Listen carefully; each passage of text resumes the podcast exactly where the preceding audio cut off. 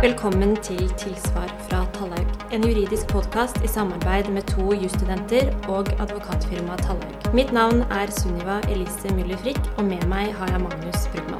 God dag, god dag. I dagens podkast skal vi snakke om et rettsområde de fleste har et forhold til, nemlig arbeidsretten. Det stemmer, og det er jo et utrolig spennende rettsområde med mange ulike problemstillinger. Og det er jo også et ganske stort rettsområde, så i dag skal vi snakke om oppsigelsesvernet i arbeidsmiljøloven og utvelgelseskretsen. Det blir utrolig spennende. Men hvem er det vi har med oss som dagens gjest, Magnus? I dag har vi med oss advokat Ingrid Klokk Sandberg. Velkommen skal du være. Takk. Ingrid, kan ikke du kort fortelle litt om deg selv? Jo, jeg eh, jobber som advokat her i advokatfirmaet Talek. Og her har jeg vært i halvannet år. Eh, Før det så har jeg jobbet i advokatfirmaet Selmer. Jeg har vært eh, dommerfullmektig i Oslo tingrett. Og så har jeg vært advokat i arbeidsgiverorganisasjonen NHO. Interessant. Vi gleder oss veldig til å dele kunnskapen din med våre lyttere. Når et arbeidsforhold opphører, så kan det selvsagt skje ved at ansettelsesperioden utløper, eller eh, at man når aldersgrensen. Men eh, det vanligste er jo at eh, arbeidstaker enten selv sier opp, eller at man sies opp av arbeidsgiver. Og det er jo som regel der arbeidsgiver sier opp en arbeidstaker at uh, tvister oppstår. Og det er jo derfor vi har det vernet vi har i loven. Uh, Ingrid, kan ikke du fortelle oss litt om oppsigelsesvernet etter arbeidsmiljøloven? Det kan jeg gjøre. Og det er, eh, det er naturlig å begynne med å si at stillingsvernet det er jo veldig sterkt etter norsk rett. Et av eh, arbeidsmiljølovens mål det er jo nettopp å sikre trygge eh, ansettelsesforhold for den enkelte arbeidstaker. Og da må det jo også være slik at det skal en del til før en arbeidsgiver kan gi en arbeidstaker en gyldig oppsigelse. Så kan det jo være ulike årsaker også til at en arbeidsgiver ønsker å bringe et arbeidsforhold eh, til opphør. Det kan jo være forhold ved bedriften. Altså bedriften går kanskje dårlig, eller, eller det er et ønske om å legge om og effektivisere driften. Eller så kan det jo være forhold ved arbeidstakeren også, som f.eks. en arbeidstaker som har svake arbeidsprestasjoner eller høyt sykefravær. Eller rett og slett i enkelte tilfeller at eh, arbeidstakeren har opptrådt på en, på en slik måte at arbeidsgiveren eh, da med rette har mistet tilliten til arbeidstakeren. Og disse stillingsvernsreglene Magnus, de finner vi i arbeidsmiljøloven kapittel 15, der det både er gitt regler om, om når og hvordan et ansettelsesforhold kan bringes til opphør. Og som dere sikkert er kjent med, så regulerer jo kapittelet både oppsigelse, altså der man sies opp, eh, men jobber ut en oppsigelsestid, eh, og tilfellene med, med avskjed, altså der man må gå på dagen. Og hvis eh, en arbeidsgiver da ikke følger reglene i kapittel 15 for når og hvordan man kan bringe ansettelsesforholdet til opphør, så, så er det spørsmålet om oppsigelsen eller avskjeden er ugyldig, og da hvilke krav det gir arbeidstakeren. Det vi skal snakke om i dag, er arbeidsgivers oppsigelsesadgang ved oppsigelser som skyldes virksomhetens forhold. Men arbeidsgivers oppsigelsesadgang har fått en felles regulering i arbeidsmiljøloven paragraf 15-7. Eh, kan ikke du fortelle litt om denne bestemmelsen nå? 15-7 det er jo en veldig eh, spennende bestemmelse. Men det er også en bestemmelse som rommer mange ulike eh, vurderinger og vurderingstemaer.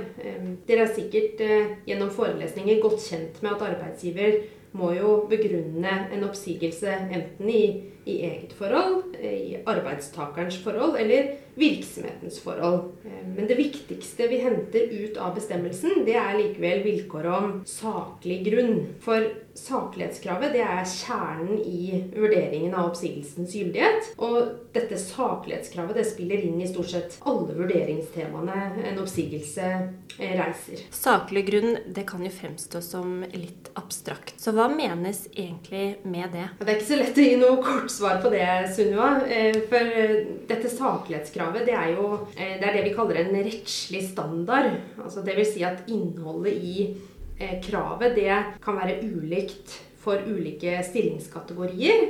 Og ulikt for ulike bransjer. Eh, og ikke minst dette med at kravene, altså hva det vil si å være saklig, det, det forandrer seg over tid. Det som var saklig for kanskje 20 eh, år siden, det utgjør ingen saklig begrunnelse for en oppsigelse i dag. Eh, så det som er en saklig grunn for oppsigelse, det må vurderes konkret i det konkrete tilfellet. Jeg tenker det er naturlig å nevne eh, en uttalelse fra Høyesterett som, som vi veldig ofte bruker som utgangspunkt for saklighetsvurderingen. Og den er dere sikkert kjent med fra webredaktørdommen, der Høyesterett formulerte spørsmålet som om, er, eh, som om det etter en samlet avveining av begge parters behov anses rimelig og naturlig at arbeidsforholdet bringes til opphør. Eh, og I den samme dommen så sier jo Høyesterett også at terskelen for å si opp en ansatt er høy. Det har vi allerede vært inne på. Og i tillegg dette med at arbeidsgiver må kunne vise til gode grunner. Så tenker jeg det er verdt å merke seg at hovedregelen er jo at det er forholdene på oppsigelsestidspunktet og den begrunnelsen arbeidsgiver ga på det tidspunktet, som er utgangspunktet for vurderingen da, om oppsigelsen er saklig eller ei. Og så er det opp til arbeidsgiver å sannsynliggjøre at oppsigelsen var saklig. Så bevisbyrden for oppsigelsens saklighet ligger på arbeidsgiver? Ja, det er, det er både utgangspunkt og hovedregel. Men eh, kan man regulere hva som er saklig grunn for oppsigelse på forhånd, f.eks. For i eh, arbeidsavtalen? Det korte, korte, svaret på det er vel egentlig nei. Altså Man kan ikke inngå en forhåndsavtale der man angir en lavere terskel for oppsigelse eller avskjed enn det som, som følger av loven. Og, det er jo et utslag av at arbeidsmiljøloven er ufravikelig da, til arbeidstakers ugunst. Eh, så man kan ikke på forhånd fraskrive seg stillingsvernet. Men så har vi et viktig og, og, egentlig ganske praktisk unntak fra det, og det gjelder jo for bedriftens øverste leder. For bedriftens øverste leder kan fraskrive seg stillingsvernet på forhånd, og arbeidsgiver trenger da ingen saklig grunn for å si opp vedkommende. Det kan kanskje høres litt ubalansert ut, men i den bestemmelsen så, så er det balansert ut ved at arbeidsgiver må betale lederen etterlønn. Da. Du nevnte Ingrid, at kapittel 15 både har regler for når og hvordan en arbeidsgiver kan si opp en ansatt. Kan du utdype det litt? Ja, um, Det jeg siktet til da, det er jo at loven ikke bare krever at arbeidsgiver kan peke på et faktum som gir saklig grunn til oppsigelse, men at en viktig del av stillingsvernet også er reglene for, for hvordan arbeidsgiver må eller eh, bør gå frem. Eh, for også saksbehandlingen i en oppsigelsesprosess må være saklig. Sånn som f.eks. drøfting. Ja, Eh, paragraf 15 om drøfting det er jo en sentral saksbehandlingsregel. Eh, og drøftelser det, det gir jo arbeidstakere en arena for kontradiksjon. Eh, men det gir også arbeidsgiver mulighet til å få utfyllende informasjon om de faktiske forholdene før arbeidsgiver da treffer beslutningen om oppsigelse.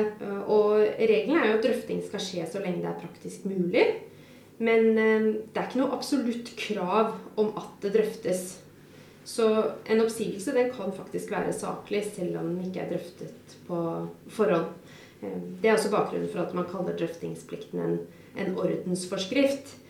Eh, men det er klart at der man ikke har hatt drøfting, så, så vil jo det ofte tale mot oppsigelsens saklighet. Og arbeidsgiver vil i slike tilfeller måtte begrunne hvorfor man har unnlatt å drøfte. Det er jo heller ikke noe krav til innkalling eller referat fra, fra drøfting, men, men, det bør jo gis en innkalling, og da med minst én dags varsel, slik at arbeidstaker faktisk har en mulighet til å stille i en drøfting, og kanskje også ha med seg en tillitsvalgt. Og man bør også skrive et referat, eh, sånn at det senere blir eh, enklere å dokumentere hva som, eh, hva som kom frem i møtet, og det har jo også en side til til dette med bevisbyrde. Da. Og det her med drøfting er vel også veldig viktig ved oppsigelse grunnet virksomhetens forhold? Absolutt. Eh, og det kan vi også lese ut av den andre setningen i 15 igjen, eh, der drøftingstemaet ikke bare er angitt som grunnlaget for oppsigelsen, men også utvelgelsen mellom flere ansatte. Og det peker jo særlig på utvelgelseskriteriene arbeidsgiver har brukt, men, men, det kan jo også gå på utvelgelseskretsen. da. Tenker også Det er greit å nevne at det er viktige saksbehandlingsregler i, i tariffavtalen, som da f.eks. hovedavtalen mellom LO og NHO, som jeg er best kjent med. Eh, og da særlig for oppsigelser grunnet virksomhetens forhold. Men jeg har forstått at disse ikke er pensum for dere, så vi går ikke noe nærmere inn på det. Men det kan jo være greit å være kjent med. Hovedpoenget er jo uansett at saksbehandlingen må være saklig. Og der det er tale om oppsigelser eh, grunnet virksomhetens forhold, så er det jo viktig at prosessen forankres da hos de tillitsvalgte. Og det var vel saksbehandlinga som også felte Skanska i den såkalte Skanska-dommen fra 2019, var det ikke? Det var det. I... Um i Skanska-dommen så presiserte Høyesterett at eh, en, eh, saksbehandlingen i en nedbemanningsprosess eh, for å være saklig og god må være etterprøvbar.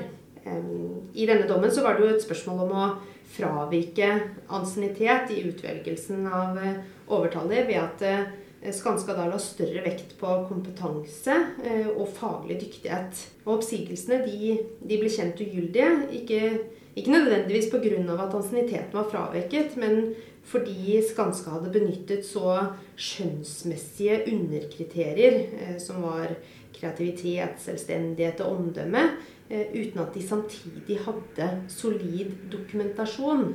Det Høyesterett sier i Skanska-dommen, er at eh, utvelgelsen ikke var etterprøvbar, og derfor ikke, ikke saklig. Dette med oppsigelse grunnet virksomhetens forhold er jo veldig interessant. Men hva skal egentlig til for at bedriften kan begrunne en slik oppsigelse? Saklighetskravet ved oppsigelser grunnet virksomhetens eh, forhold det er egentlig det er todelt. Det er krav til den generelle eh, og den individuelle sakligheten. Og hvis vi starter i den generelle sakligheten, så går den på virksomhetens behov for å gå til oppsigelse. Eh, mens den individuelle sakligheten da stiller krav til saklig utvelgelse av akkurat den arbeidstakeren som sies opp. Og For den generelle sakligheten så er det jo viktig å huske på at det ikke er noe vilkår at bedriften f.eks. sliter økonomisk for at oppsigelser skal være saklige. Eh, det er strengt tatt heller ikke noe vilkår eh, hvis vi ser på rettspraksis, at bedriften får noe økonomisk gevinst av omstillingsprosessen. Eh, og Årsaken til det, det er jo at det ligger innenfor styringsretten å organisere arbeidet i egen bedrift. Og da kan det være saklig å nedbemanne ved f.eks. å fjerne en avdeling det ikke lenger er behov for, eller, eller bedriften rett og slett bare vil gjøre tilpasninger for å styrke egen konkurransekraft. Noe forenklet så kan man jo si at så lenge det angis et behov for nedbemanning eller omstrukturering som er begrunnet i driften, så vil den generelle sakligheten være oppfylt. Og Det er også årsaken til at akkurat dette med generell saklighet veldig sjelden kommer på spissen i praksis. Eh, men det er jo også klart at den, den begrunnelsen som bedriften gir for den generelle sakligheten, den kan ha betydning for den individuelle sakligheten også. Eh, og da er vi egentlig tilbake til det vi snakket om i sted eh, i webredaktørdommen nettopp dette om at partenes interesser og behov skal holdes opp mot hverandre. Eh, og det skal vurderes om, om det alt i alt er rimelig at arbeidsforholdet avsluttes. Eh, så en bedrift som er på konkursens strand, vil jo enklere kunne eh, si opp en, en arbeidstaker med en saklig begrunnelse også i tilfeller der hvor det rammer en arbeidstaker veldig, veldig hardt, enn der, eh, enn der, bedriften går godt, men man bare ønsker å gjøre eh, tilpasninger. Og i et slikt tilfelle så vil jo arbeidstakerens individuelle forhold ha større betydning. Men det her bringer oss vel over til utvelgelsen av hvilke ansatte som skal sies opp, altså utvelgelseskrets og utvelgelseskriterier? Ja, og vi kan jo begynne i utvelgelseskretsen. Og hovedregelen da det er jo at man skal ta utgangspunkt i hele virksomheten. Og det, det vil jo si den juridiske enheten der man er ansatt. Men i praksis så, så fravikes det ganske ofte, og også med god grunn. Fordi en bedrift kan jo ha interesse av å begrense kretsen til bare f.eks. en avdeling eller en geografisk lokasjon fordi eh, det best tjener bedriftens interesser. Eh, det skaper kanskje mindre arbeid og større rasjonaliseringsgevinst eh, å gjøre det på den måten. Men, men en avgrenset krets det skjer egentlig ikke bare av hensyn til bedriften. Det kan også være begrunnet nettopp i hensyn til de ansatte. Fordi i en del større bedrifter så kan det være både større og mindre omstillingsprosesser med jevne mellomrom. Og da vil det jo ikke være bra for verken bedriftens effektivitet eller for de ansattes trivsel sånn sett. Om arbeidsforholdet da settes i spill hver gang det skal gjøres endringer. Og akkurat dette siste prinsippet jeg snakker om, det, det følger jo også av en rekke dommer. Det er vel bekreftet av Høyesterett både i Gressvik-dommen og, og, Posten 2. Og, og, hvis jeg ikke husker helt feil, så tror jeg også det står i, i Telenor-dommen. Så det avgjørende vil jo være at avgrensningen av kretsen er saklig. Da, så er tilbake til saklighetskravet. Eh, og i det enkelte tilfellet så kan det da tenkes at kretsen er saklig, selv om den er begrenset til, til bare én person, sånn som i, i Gressvik-dommen. Og utvelgelseskriteriene, bare for å ta det også, de har i utgangspunktet ingen plass i vurderingen av hvordan man skal fastsette utvelgelseskretsen. Altså først fastsetter man kretsen, og så anvendes kriteriene innenfor den fastsatte kretsen. Det kan likevel tenkes tilfeller der avgrensning av kretsen ikke regnes som saklig da, fordi de fastsatte utvelgelseskriteriene helt mister sin betydning. Eh, og da er det jo særlig ansiennitet jeg tenker på, da. Men det er vel det Høyesterett uttaler i denne Telenor-dommen? Ja, eh, det er riktig. Eh, for i Telenor-dommen, den, den gjaldt jo en omstillingsprosess i, i Telenor, da. Og da er det viktig å ha med seg dette med at Telenor det er en tariffbundet bedrift. Så da er det hovedavtalens ansiennitetsprinsipp som gjelder, og da også hovedavtalens stillingsvern. Partene i, i, akkurat den saken de var jo enige om at det var saklig grunn til omstilling, altså generell saklighet. Ehm, men Telenor de hadde begrenset utvelgelseskretsen til elleve personer. Den var begrenset geografisk til Trondheim, men det var også begrenset til en avdeling, eller divisjon, som de kaller det. Ehm, og da var det flere divisjoner som hadde kontor i Trondheim, og man hadde valgt ut den ene. Og den, ehm, den arbeidstakeren som ble oppsagt, det var den eneste i kretsen på 11 som hadde en stillingstype eh, salgsstøtte, mens de andre da var selgere. Og denne arbeidstakeren hun hadde ikke kompetanse da til å tre inn i en selgerstilling. Og og hennes funksjon eh, den skulle rasjonaliseres bort. Man kan jo også nevne at hun ble tilbudt annet passende arbeid i bedriften, men så takket hun nei til det. Og i den saken så kom Høyesterett til at de kriteriene Telenor hadde brukt for å avgrense utvelgelseskretsen, altså geografi og divisjon, de var i og for seg saklige, men kretsen var likevel ikke saklig fordi eh, utvelgelseskriteriet ansiennitet, altså ansiennitetsprinsippet etter hovedavtalen, det ble vesentlig svekket, eller egentlig helt mistet sin betydning, da. Eh, så eh, det man kan lese ut av dommen, det er jo at man, man ikke generelt skal se på den enkeltes ansiennitet ved fastsettelse av kretsen. Det kan f.eks. være saklig å begrense kretsen til en avdeling der mange har lang ansiennitet. Poenget er jo at kretsen ikke må fastsettes på en måte som gjør at ansiennitetsprinsippet da vesentlig svekkes. Eh, og det var jo det som var tilfellet for den ansatte i Telenor-dommen. Fordi hennes, hennes 32 år lange ansiennitet fikk ikke noen betydning overhodet. Fordi kretsen var begrenset slik at det på forhånd var gitt at hun skulle bli overtallig. Så antallet arbeidstakere og stillingssammensetningen den, den, kan være relevant å se på da ved fastsetting av utvelgelseskretsen. Og Nå har vi jo sett litt på selve utvelgelseskretsen, men eh, hva med utvelgelseskriteriene? For de må vel også være saklige? Ja, absolutt. Og her tenker jeg også jeg vil skyte inn eh, at dette også har en side til, eh, til saksbehandlingsreglene. ikke sant? For det for det er jo en klar fordel å forankre utvelgelseskriteriene hos de tillitsvalgte, og i og for seg kretsen også, for den saks skyld. Fordi eh, en sånn type prosess, det vil jo da eh, være saklig, og det vil eh, tale for kriterienes saklighet. Så hva som vil være et saklig kriterium, det er ikke mulig å svare generelt på. Det må jo vurderes konkret, sånn som alt annet. Og den enkelte bedriftssituasjon og behov, det vil jo ha eh, stor betydning i slik eh, sammenheng. Det vi ofte ser i praksis, det er jo at det er ansiennitet, eh, kompetanse, dyktighet, om man kan brukes til flere arbeidsoppgaver osv. Som, som brukes som kriterier. Men, men, det hender jo også vi ser kriterier som alderssammensetning. Altså hensynet til at man ikke skal ha en, eh, bare én alder i, i ansattgruppen. F.eks. at uh, alle har relativt høy alder, slik at all kompetanse forsvinner omtrent samtidig uh, ved pensjon.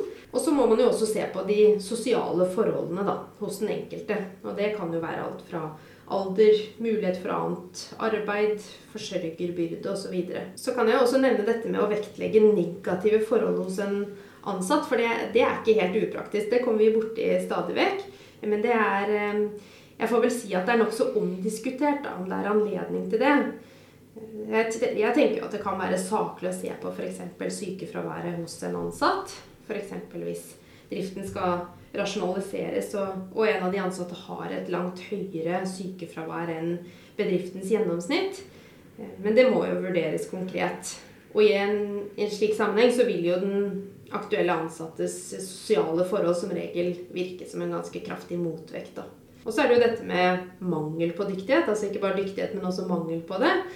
Hvis det er en ansatt som ikke nødvendigvis kan sies opp grunnet eget forhold, men som ofte kommer for sent, eh, slurver, eh, ikke samarbeider med andre eller lignende, så vil man jo kunne vektlegge det. Men da tenker jeg det er et vilkår at man må ha tatt opp disse forholdene tidligere med den ansatte.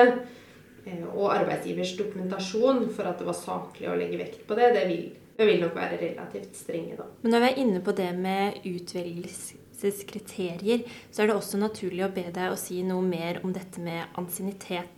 Jeg merket meg at det var det kriteriet du nevnte først, Ingrid. Ja, eh, og det er vel fordi ansiennitet omtrent uten unntak er et kriterium i utvelgelsen for de fleste bedrifter. Men, men, hva som menes med ansiennitet, det kan egentlig være forskjellig fra bedrift til bedrift. Eh, selv om hovedregelen er vel at det er ansettelsestid i, i virksomheten det er tale om. Ikke f.eks. hvor lenge du har jobbet i bransjen. Og så er det jo noen som syns at det kan være urimelig, da, om en ansatt som har ja, 30 års erfaring fra, eh, fra, bransjen, men bare har jobbet i et konkret selskap i, i ett år, at det ikke er rimelig at han bare skal ha ett års ansiennitet. Men eh, poenget med ansiennitet det er jo å verne arbeidstakere som har ytt en innsats i lang tid for den aktuelle bedriften. Så kommer heller denne, denne verdifulle erfaringen man kan ha fra bransjen opp gjennom årene, inn under det som stort sett alltid er et annet kriterium, nemlig da kompetanse. Eh, og så er det jo viktig å huske på Vi var jo innom Skanska-dommen. og det er jo dette med at ansiennitet er jo utgangspunktet for utvelgelsen. Særlig i tariffbundne bedrifter. Da. Men, men, det er ikke hovedregelen. Eh, det er sagt klart i Skanska-dommen. Eh, det, det, er ingen generell terskel for å fravike ansiennitet. Det, det, vil bero på en totalbedømmelse, rett og slett, hvilken utvelgelse man skal gjøre. Og da vil også de andre utvelgelseskriteriene og, og styrken av disse måtte vurderes. Eh, og så er det jo lengden på ansienniteten som også er relevant. Altså er det stor forskjell i ansiennitet mellom de som kan være aktuelle for eh, utvelgelsen, så skal det jo mer til da, for å fravike ansiennitet. Og igjen så er jo etterprøvbarheten viktig. Man må kunne redegjøre godt som arbeidsgiver for hvordan de ulike kriteriene er vektet, og hvorfor. Det er jo det Høyesterett også uttaler i Skanska-dommen. ikke sant? Jo mer skjønnsmessige og subjektive kriterier man, man, velger, dess bedre dokumentasjon må man som, som, arbeidsgiver ha. Så ser jeg på klokken at vi nærmer oss vel slutten, men jeg tenker når vi først er inne på dette med oppsigelse grunnet arbeidsgivers eh, virksomhetens forhold, så, eh, så er det viktig å huske på at eh, bedriften også må Eh, vurdere om arbeidstakeren kan tilbys annet passende arbeid fremfor å bli sagt opp. Og det følger jo direkte da andre ledd i 15.7. Eh, arbeidsgiver må da se på om det er mulig å omplassere arbeidstakeren til en annen ledig stilling, eller, eller om bedriften har da det de kaller et udekket arbeidskraftsbehov. Da kan jeg jo nevne at en arbeidsgiver i utgangspunktet ikke er forpliktet til å vurdere om det er aktuelle stillinger i konsernet, med mindre man har da felles arbeidsgiveransvar. Det er jo kun i den virksomheten den ansatte jobber i. Men det er ikke begrenset til utvelgelseskretsen, det får vi jo presisere. Så det betyr at selv om det er saklig å begrense utvelgelseskretsen, så plikter jo arbeidsgiver likevel å vurdere om, om det finnes annet passende arbeid i øvrige deler av, av virksomheten.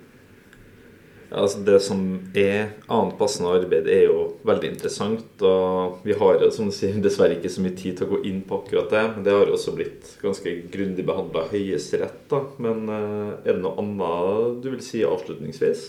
Mm, ja, eh, jeg tenker jo det er, det er viktig å få fram dette vi var inne på eh, innledningsvis. Nemlig at saklighetsvurderingen det er en totalvurdering.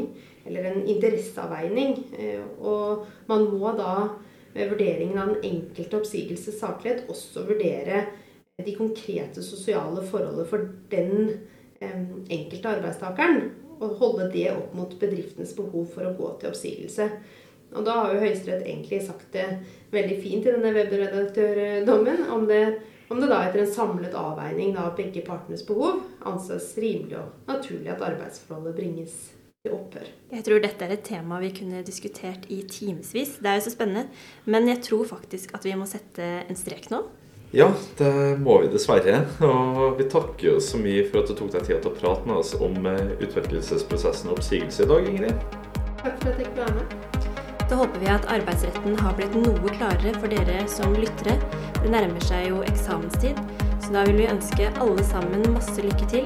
Du har nå lyttet til Tilsvar fra Tallaug, et samarbeidsprosjekt mellom to jusstudenter og advokatfirmaet Tallaug. Vi høres igjen.